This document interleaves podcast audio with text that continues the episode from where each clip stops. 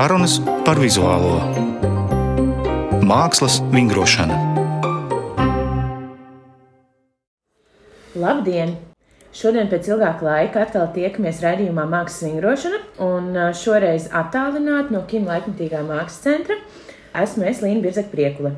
Un mēs šodien runāsim par, manuprāt, nu, šobrīd vienu no saistošākajām un interesantākajām izstādēm, kas norisinās Rīgā. Un proti tā ir Kim Laikmatīgā mākslas centrā apskatāmā izstāde Nervozā gara faktūra. Un uh, izstāde ļoti saistošā veidā parāda, kā mēs vispār varam domāt par jēdzienu faktūru, gan formas, gan saturiskā ziņā. Un tā tad arī mūsu šodienas tēma. Un, uh, par to mēs šodien parunāsim ar šīs izstādes kuratori un Kim Laikmatīgās mākslas centra programmas direktoru Zanjonu Skuli. Sveika, Zane! Sveiki! Kā arī gleznotāju un šajā izstādē iesaistīto mākslinieci Amandu Ziemeli. Sveika, Amanda! Amanda šīs izstādes kontekstā pēc mākslinieka Merlina Kārpentera receptes, ja tā var teikt, radījusi izstādē veselu telpu. Nu, lūk. Un uh, intereses pēc pirms uh, mūsu sarunas es pavēru vaļā arī tezauru, kur nu, ļoti īsā encyklopēdiskā veidā ir skaidrots, kas tad ir faktūra. Un tur ir teikts šādi. Tātad tas ir apdares īpatnību kopums materiāla vai priekšmeta virsmai vai arī mākslas darba virsmas materiālo sajūtamo īpašību kopums, kas rada māksliniecisku izteiksmīgumu. Un, eh, kādēļ es arī pieminu visu laiku šo faktūras jēdzienu, jo nu, es gribētu sākumā pajautāt tieši Zanai, jo nu, savā ziņā idejiski izstāde aizsākās no latviešu mākslinieka un teorētiķa Valdemāra Matveja teorētiskā darba faktūra daļradas principu plastiskās mākslās, kas ir iznācis 1913. un 14. gadā Pēterburgā. Nu, lūk, un šīs darba sākumā viņš raksta. Ar glezniecības faktūru mēs parasti saprotam to gleznas virsmas stāvokli, kādā tā parādās mūsu acī un jūtām. Bet faktūrai, kā to tālāk redzēsim, ir tā pati nozīme arī skulptūras un arhitektūras novadā, kā arī visās tajās mākslās, kurās ar krāsām, skaņām vai citādā ceļā tiek radīts kāds troksnis pēdiņās, ko tā vai citādi uztver mūsu apziņa. Un, jā, Zana, varbūt pastāst, kas tev rosināja pievērsties Matveja tekstam un kaut kādā idejiskā ziņā rast to kā aizsākumu šai savai izstādē.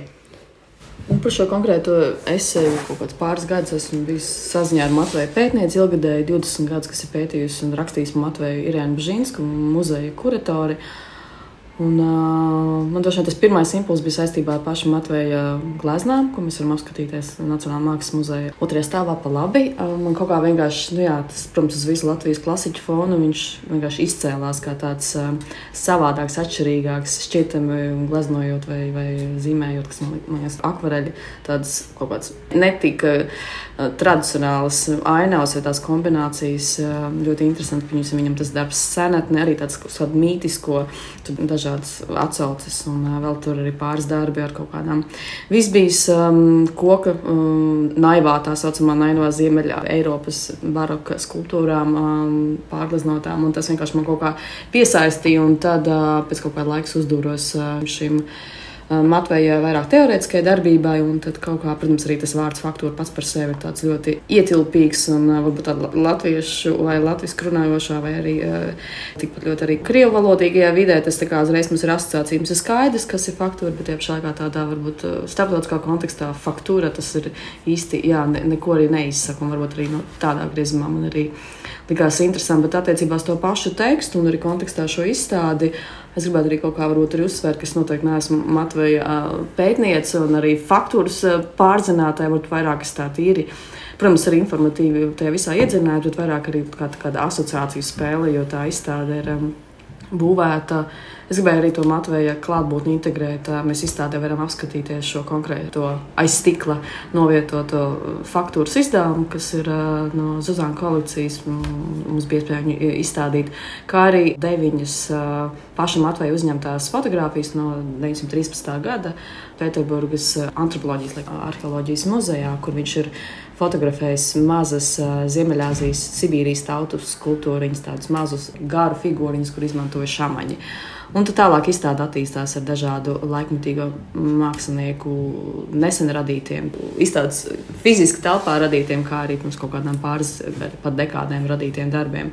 Bet, jā, tā, kā, tā faktūras klātbūtne ir, tur ir arī tas vēsturiskais konteksts, bet tikpat ļoti arī tas ir vairāk tāds, jā, tāds laikmatīgs mm. komentārs. Bet kāpēc tu domā, ka šis Matveja teksts ir aktuāls nu vēl joprojām arī šobrīd? Kas jā. to padara tādu aktuālu? Nu, jā, droši vien tas arī tas, kā es uh, pievērsos šī teksta arī pētniecībai, mm -hmm. varbūt arī tā meklēju vispār paralēlas atsauces. Man liekas interesanti arī kaut kā neievietot to faktūras tekstu kā tādu vēsturisku mhm. reliktu, mm -hmm. jo Kims arī nav muzejs, bet vairāk tāds tā kā pārskrējiens, arī tāds asociatīvs vai intuitīvs pārskrējiens ar mēģinājumu savilkt to kopā ar to, kas varbūt šodienas māksliniekiem uh, ir saistoši un interesanti. Un, uh, tur arī dažādi citi pētnieki man ir palīdzējuši, un atsauces un teksti. Un konkrēti saistībā vairāk varbūt, ar mēdīju māksliniekiem. Tur varētu vilkt paralēlus varbūt ar kaut kā tādu Rīgas mēdīju centru, teiksim, autoru kopu. Tur varētu saskatīt vairāk viņu pētniecības virzienos un darbos tādu faktūras klātbūtni. Proti, tas ir. Uh, ja faktūra, ja Matvejs par faktūru runā un apraksta gan materiālo, gan nemateriālo faktūru, faktūru, kas tur pieskarās dažādām virsmām, iziet cauri dažādiem mēdījiem, arhitektūra, glezniecība, telniecība. Un viss cits, viņš arī cits starpā runā par, pieņemsim, tetovēšanas tradīcijām, arī kā mm -hmm. savu veidu faktūru, kas tiek atstāta ķermeņa. Mm -hmm. Tad, attiecībā uz šodienas eh, vispār situāciju un māksliniekiem, nu, droši vien runāt arī par to vairāk par to nemateriālo faktūru, to vispārējo fonu troksni. Mm -hmm varbūt mākslinieki, kur pētījā tās mediju tehnoloģijas, kaut kādu vispārējo novērošanu, mm, sistēmas, organizētās, neorganizētās, un ar to mēs varam vienkārši domāt par arī tādu faktūru, ko, ko arī Matvejs diezgan saistā ar, ar tādu fona troksni. Man liekas, trokšņa klātbūtne šodien vispārējā piesārņojuma situācija mm -hmm. arī ir diezgan aktuāla. Nu, jā, tas tā kā no vienas puses ir diezgan konkrēti, ja pašā laikā diezgan arī tāds aplinkus tas stāsts par to faktūru, ko es mēģināju mm -hmm. piedāvāt šajā izstādē. Jā, bet viņš jau arī tur patiesībā saka, ka tur ir kaut kāds, viņš jau salīdzina to dievišķo principu, ka faktūra ne tikai materiālā ziņā, bet arī kaut kāds kā tāds dievišķs, nu es to uzsveru šobrīd varbūt, nu kā tāds saturisks vai kontekstuāls arī kaut kāds tas pagrieziens. Bet, uh, Amanda, jā, tu esi gājis cauri uh, visdažādākajām skolām, uh, gan Latvijā, gan Vācijā. Noteikti arī šobrīd pats strādā par pasniedzēju. Un uh, noteikti nu, tavā arsenālā parādās arī, vai tu domā noteikti par šo jēdzienu faktūru. Manuprāt, tas kaut kādā veidā arī atspoguļojas tavā glezniecības praksē un tavas domas. Un es zinu arī, ka tev Matveja teksti ir interesējuši, tu to esi lasījis un arī šo droši vien, un kā tu izproti šo faktūras jēdzienu, vai tu saskārusies, kā varbūt citās izglītības sistēmās par to runā vai vērtē. Jā, tā. Es centīšos varbūt sākumā arī atsaukties uz Zanas teikto, bet arī par to posmu. Tas jau pirms kaut kādiem, man liekas, nu, gandrīz desmit gadiem, kad es lasīju pirmoreiz to tekstu. Atceros arī to vienu teikumu, kas vienmēr ir. Nu, jā, ka materiāls ir faktūras māte.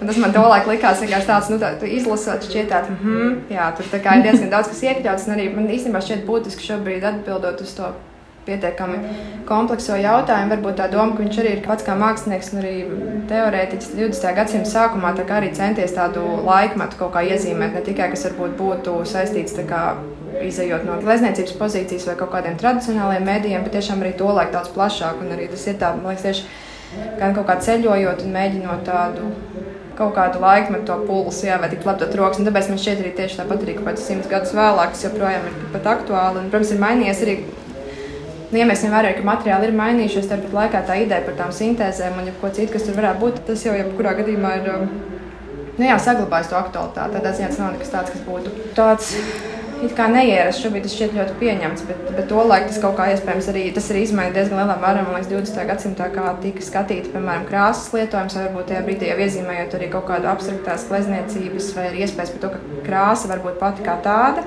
Nav nepieciešamība to sasaistīt vienmēr tikai ar kaut ko figuratīvu vai kaut ko reprezentatīvu. Tas man arī šķiet diezgan būtisks kaut kāds arī tas viņa pienesums, kas vēlāk arī 20. gadsimta vidū kaut ko jau virzās un attīstās līdz tam, ka materiālam pašam var būt sava vēsture Nevis, ka materiāls tikai ietērp kaut kādu ideju, bet jā, pats materiāls ir pilns ar atsaucējiem, lietojumiem un kaut ko tādu. Un, Nu, tas ir svarīgi. Šobrīd atbildēju tikai uz vienu jautājumu. nu, jā, bet es domāju, tas ir tās domas, kas arī kaut kā līdz ar to par izglītības sistēmu. Man šeit ir svarīgi domāt, ka tas šobrīd tieši tā arī glezniecības kontekstā arī tā vairs varbūt nav tikai jā, glezniecība, kas tikai izmanto pamatā Vēļas krāsas, varbūt arī citi materiāli, kas jau arī līdz ar to ir glezniecības kontekstā, kā jā, tādas pašsaprotamas vienības, jau paplašinātā veidā. Man liekas, interesanti arī domāt par to, kā tā faktūra tā ir izgājusi, nu, tā ir atcaucoties kaut kādiem tekstiem, tur bija aptuveni mm -hmm. vidēji piecus periodus. Tur kā, mm -hmm. bija pirmais, otrais, trešais, ceturtais, piektais. Es neatceros pat kādās secībās, bet tas skāra vairāk varbūt tā tekstuāla un tad arī skulptūrāla un. Mm -hmm.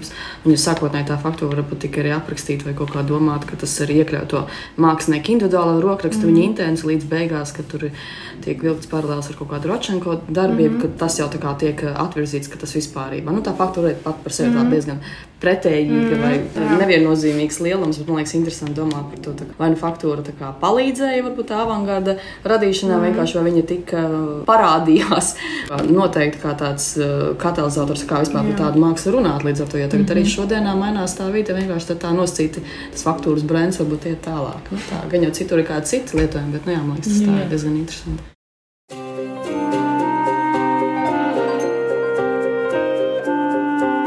Mākslas vingrošana. Jo, nu, interesanti, 20. gadsimta sākumā nu, faktūras jēdziens kā tāds bija arī ļoti populārs, un viņš parādās mm -hmm. patiesībā dažādos eh, teorētiskos eh, mākslinieku mm -hmm. lielākoties eh, rakstos. Un, Un uh, mākslinieki tiešām par to domā. Nu, kā, bet tas, protams, rodas arī paralēli ar visu šo jauno mm. paradigmu maiņu, vispār kā mēs skatāmies uz mākslu kopumā. Un Varbūt, Zani, atgriežoties vairāk pie šīs pašas izstādes, kā tu redzi šīs dažādas faktūras izpratnes, kādā veidā tās atspoguļojas nu, konkrēto darbu atlasē. Jā. Kā tu domā tālāk par šo? Zin, grupas izstādes veidā vienmēr ir dažādi komponenti, kas tur sakrīt, vai kaut kā nezinu, tur apstākļi, finansējums, telpas un pieejamība, un, tad, protams, arī Covid faktūra. tas, tas uh, moments arī tur nevar nolikt, bet ir, es noteikti negribēju kaut kā, kā uzstāt vai uzspiest tiem uh, dalībniekiem, uh, jo visi izņemot Matveju ir dzīvesveiki un veseli, bet nu, kaut kā vienkārši sarunas gaitā tā piedāvā, vai man likās, ka varbūt šis vai tas darbs kā kaut kādā kontekstā tur varētu strādāt, vai arī attiecībā uz to Merlīnu Carpentera sadaļu, par ko mēs jau runāsim mm -hmm. arī vēl pēc momenta. Tad, vienkārši tas bija aptuveni atrast kaut kādu jaunu veidu, vai, vai tam māksliniekam vienkārši norādīt varbūt kaut kādu iespējamību citu lasījumu viņa darbam. Mm -hmm. Un mēs kā, abas puses vienojamies, jā, tas ir interesanti. Un tādā kontekstā varbūt autors nav skatījies šo darbu. Bet tā izstāde vienkārši izējot cauri, jā, pirmā ir tā vairāk nosacītā vēsturiskā, tā arhīvu materiālu klātbūtne. Mm -hmm. Fotogrāfijas no bibliotekas. Uh, Tad ir uh, Ievas Rubēzes darbs, 20 gadus vecs, uh, jauns darbs, kurā redzam dažādus uh, dziedniekus, uh, kaktu dakterus un citus uh, nezinu, sabiedriskās lomas uzlabotājus. Tas būtu fona troksnis. Jā, kuri vienkārši izplatās savas rituālās darbības un fonā savukārt video kompilācija Baltais troksnis. Ļoti interesants. Tāds, no vienas puses meditīvs, bet no otras puses arī teiktu, savā ziņā satraucošs mm -hmm. darbs. Un, uh, un šim darbam tieši aiz sienas ir šie Merlina Carpentera sadaļa, kas pēc būtības ir. Uh, seši, astoņi uh, gruntēti audekli, un pa vidu telpai ir uh, kaste. Uh, atvērta kaste ar uh, mākslinieku krāsām un tādu tā dzelzceļa uh, režģa norobežojumu. Un mēs šajā telpā skatoties šiem baltiem audekliem zem spilgtajām dienas gaismas lampām, uz baltajām sienām un dzirdam šo balto troksni. Tā kā es domāju, mēs mm. diezgan tiekam uzlādēti ar uh, faktūras klātbūtni. Tad tālāk virzoties ir um, mazākajā telpā ir iespējas liels video brīvstāvošs ekrāns, kurā ir uh, amerikāņu mākslinieka Līle Dāra video darbs, filmēts pirms četriem gadiem Maskavā. Darba nosaukums ir Vokzāla. Tas ir stundas garš video arī diezgan pieprasa skatītāju uzmanībai. No otras puses, vienkārši arī tas video ir baudāms arī, nezinu, 3 minūtes, 20 minūtes vai stundu, ja kāda enerģija nosēdēt. Un tur mēs redzam vairāk tā tādu pilsētas, um, pilsētu vidas fiksācija. Mākslinieks filmēs 16 mm. tajā vietā, kur Maskavā sateka trīs uh, metro vai dzelzceļa stacijas augšā. Nu, es vienmēr lietoju tādu uh, analogu tā kā mūsu origo situāciju, tikai tādā Maskavas mērcē. Uh mhm. -huh. Un tur var redzēt, kas nav mm, inscenēts, vienkārši kā atklājas tā, tā cilvēka darbība, dažādie sociālie slāņi, no visādām paradoxālām un pat humoru pilnām situācijām un diezgan tādiem skaudriem momentiem. Tur ar dažādiem bezpajumtniekiem, kādam jau rauj ārā zobu, kāds tur publiski nokārtojas līdz apzakšanas momentiem. Nu, tā ir kā tāds arī no vienas puses tāds neitrāls, bet tajā pašā laikā ar kaut kādu kritikas pieskaņu. Tad tālāk virzoties izstādē ir arī uh, autora, kas um, savu vārdu vietā izmanto ciparu virknējumu. Nu, es ļoti ceru, ka es to pareizi nosaukšu 0001, 0001. Es ceru, ka pareizi. Jebkurā gadījumā kaut kāda bināra koda um, virknējums. Un šis autors jā, veido izstādes tāpā uz vietas, tā, tā kā komentāru vai repliku par uh, pilsētvidas grafiti un cenzēšanu, ko nozīmē cenzūra, kas ir uh, atļautā cenzūra, kas ir aizliegtā. Tad vēl izstādes ietvaros ir Elzas Sīles darbi, gleznotājas um, teiksim, tādu fonu, bet šobrīd vairāk strādā citos mēdījos. Un, kas izmanto dažādas tā kā, industriālas, metāliskas plāksnes, dažādos risinājumos, vai pie sienas, vai brīvstāvošas, imitējot tādas mazas kanceles vai kaut kādas oficiālas cubicles, un um, tad autori šiem vienībām veido savu faktūru, uzvirdina principā šīs virsmas ar dažādiem kaut kādiem arhitektūras risinājumiem, telpu. Vai arī ir atsevišķi momenti, ka tur atgādina arī tiešām tā tādu ādas caursišanu ar kaut kādām adatām. Uh, tad bija izstādē vēl arī ir Mākslinieks Vanas Gravenauras video, tāds uh, trīs minūšu video, diezgan tāds kombinācijā, tāds salcērīgs, bet arī diezgan skaudrs. Mākslinieks izsako cauri savai personiskajai pieredzei. Uh, viņa tika sašauta Parīzes teroraktā 15. gadā.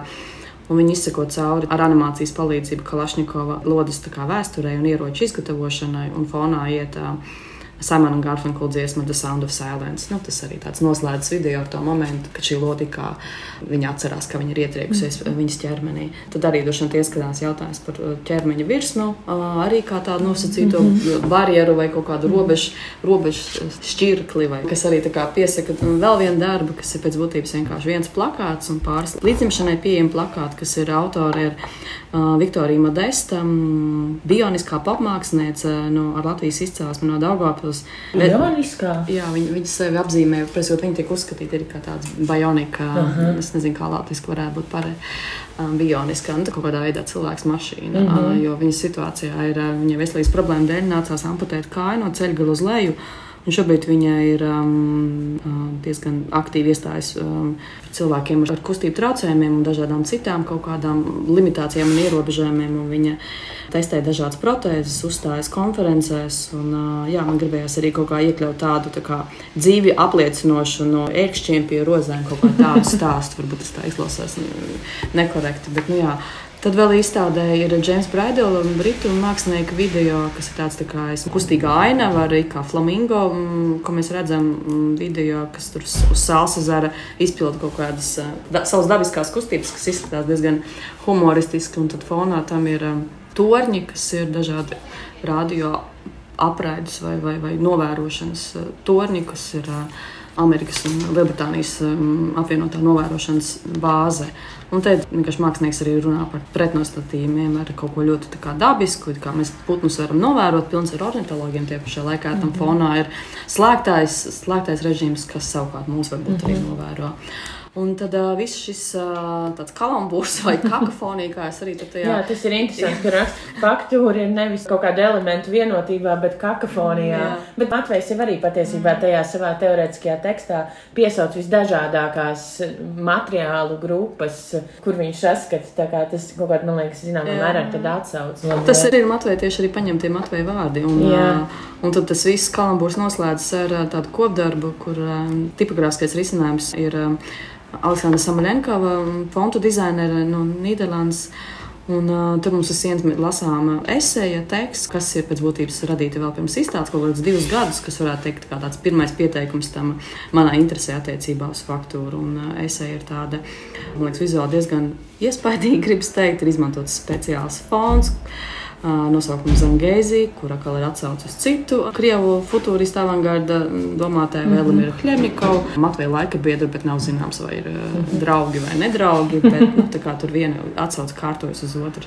Un tas ir noslēdzās izstāde ar šo sienas tekstu, sienas labelu, kas pēc būtības pats ir kā darbs. Mm -hmm.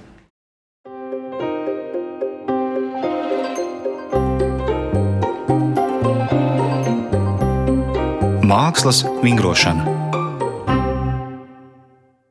šoreiz attālināti no Kim laikmatīgā mākslas centra. Esmu es Līna Birzek Priekule. Šobrīd viena no saistošākajām un interesantākajām izstādēm Kim laikmatīgā mākslas centrā apskatāmā izstāde Nervozā gara faktūra. Un tā tad arī mūsu šodienas tēma. Ar šīs izstādes kuratori un Kim Laikmatīgās mākslas centra programmas direktors Zaņonis Kulis, kā arī gleznotāju un šajā izstādē iesaistīto mākslinieci Amandu Ziemeli.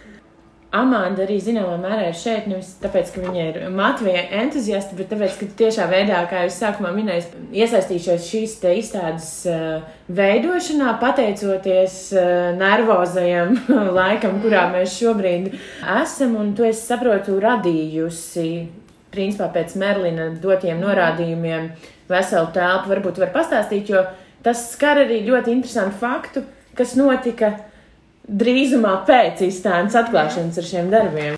Nu jā, tad man bija dota tā iespēja, jā, būtībā asistēt Merlinam Kārpenteram tādā veidā, ka viņš uzticējās man materiālu izvēlē, lai gan mēs arī par to visu arī diezgan, diezgan padziļināti arī skatījām jebkuru audumu šķiedru. Un, un kaut kādā ziņā diezgan tā skrupulāzi piegājām. Jā, tas bija ļoti būtiski, kā sākot no, no rāmja izvēles un audekla. Un, jā, un man bija šī iespēja atkāpties kaut kā no saviem virsmu veidošanas principiem, iespējams, un ienirt, jā, tā izmantojot viņa recepti, pieredzēt kaut kādu citu to, to skatījumu. Uzstādījums bija pilnīgi vienādi astoņi audekli, ko mēs labi apzināmies, kā tādā analogā veidā, vai arī esot, kas arī glezniecībai piemītoši, tomēr ir tas subjektīvais kaut kāds arī triepiens, kas tur ir, it kā mēģinot. Mm -hmm. Skaidrs, ka es nemēģinu atdarināt nekādā veidā Merlina Kārpenta triepienu, tas bija tā tā brīvā daļa, kurā tomēr tika akceptēts arī mans kaut kāds tavs triepiens. arī to paradoks, ka, protams, ja pat viņi ir astoņi vienādi, tad tas vairāk tiešām kaut kāds idejas, jo skaidrs, ka mm -hmm. pilnīgi vienādi arī nevar būt. Man kas interesanti tas, ko tu teici, kad uh, ne jau tas, ka tu uztrauc, bet tā vienkārši tev interesē tas moments, kad tas saņem šis Jā. mākslinieks atpakaļ Londonā. Viņš liekas, ak, Dievs, cik ļoti cita autora rokraksts ir klātesošs šajos baltos, neitrālos, gruntētajos augļos. Es tā skatos, Jā. tā, ok, labi. Jā, nē, tas bija, tas bija. Es arī, protams, tiešām arī būtībā es gaidīju kaut kādu Merlina Carpenter komentāru, ka viņš ieraudzīs tos augļus, vai tas ir tuvu tam, kā viņš to bija iztēlojies vai nē. Jo, nu, ja pat mēs kaut kā sazināmies un arī diezgan specifiskās situācijās varējām kaut kā precizēt, tā, tik un tā, es domāju, tur būs iezagusies kaut kāda tāda kāda neliela nobīde.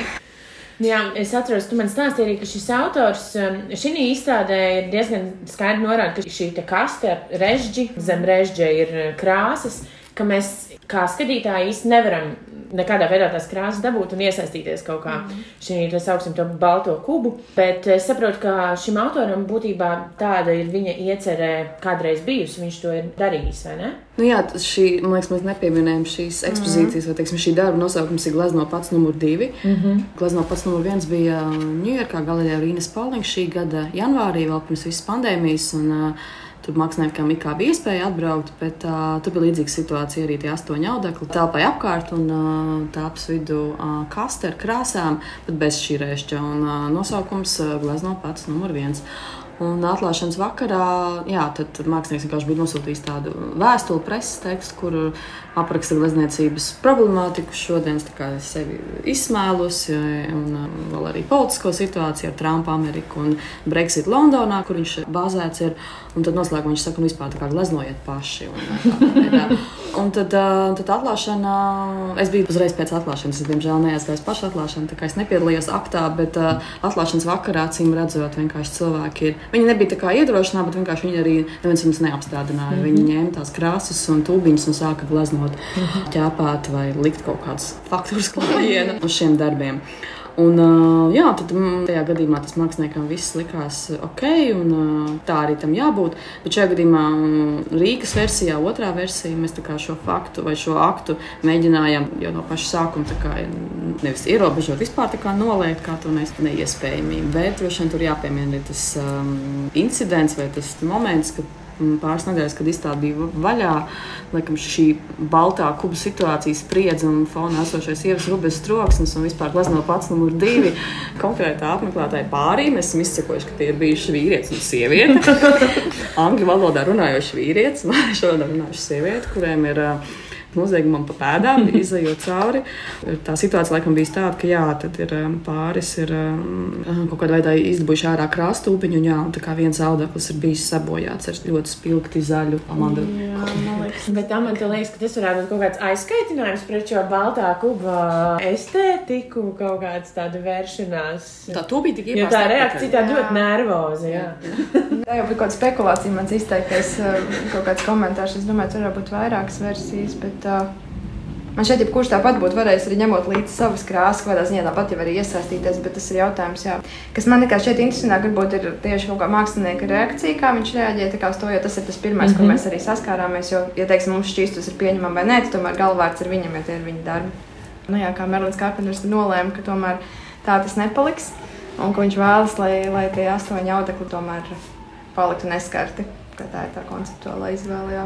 Līdz ar to tev bija atkal Līdz ar to, jāpiedalās. kas, un- kas, jā, tā kā ar tādu nelielu tādu dežu vu sajūtu, atgriezties tajā vienādības situācijā, ko mēs runājam, kas jau tāpat padara šo situāciju vēl paradoxālāk, jo tomēr it kā vēlāk.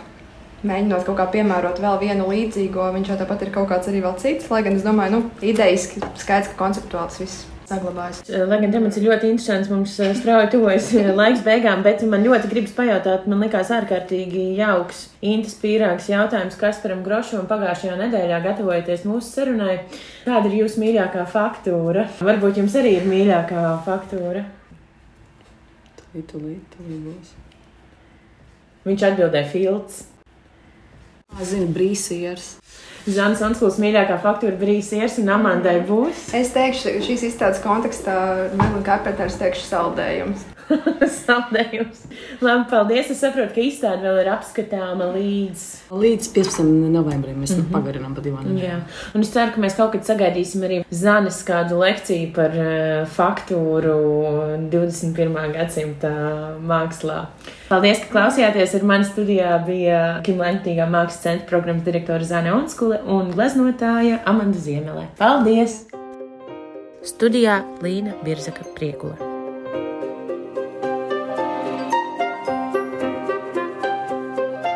Raidījumu mākslas vingrošana tagad iespējams klausīties arī savās podkāstu aplikācijās. Atbalsta valsts kultūra kapitāla fonds.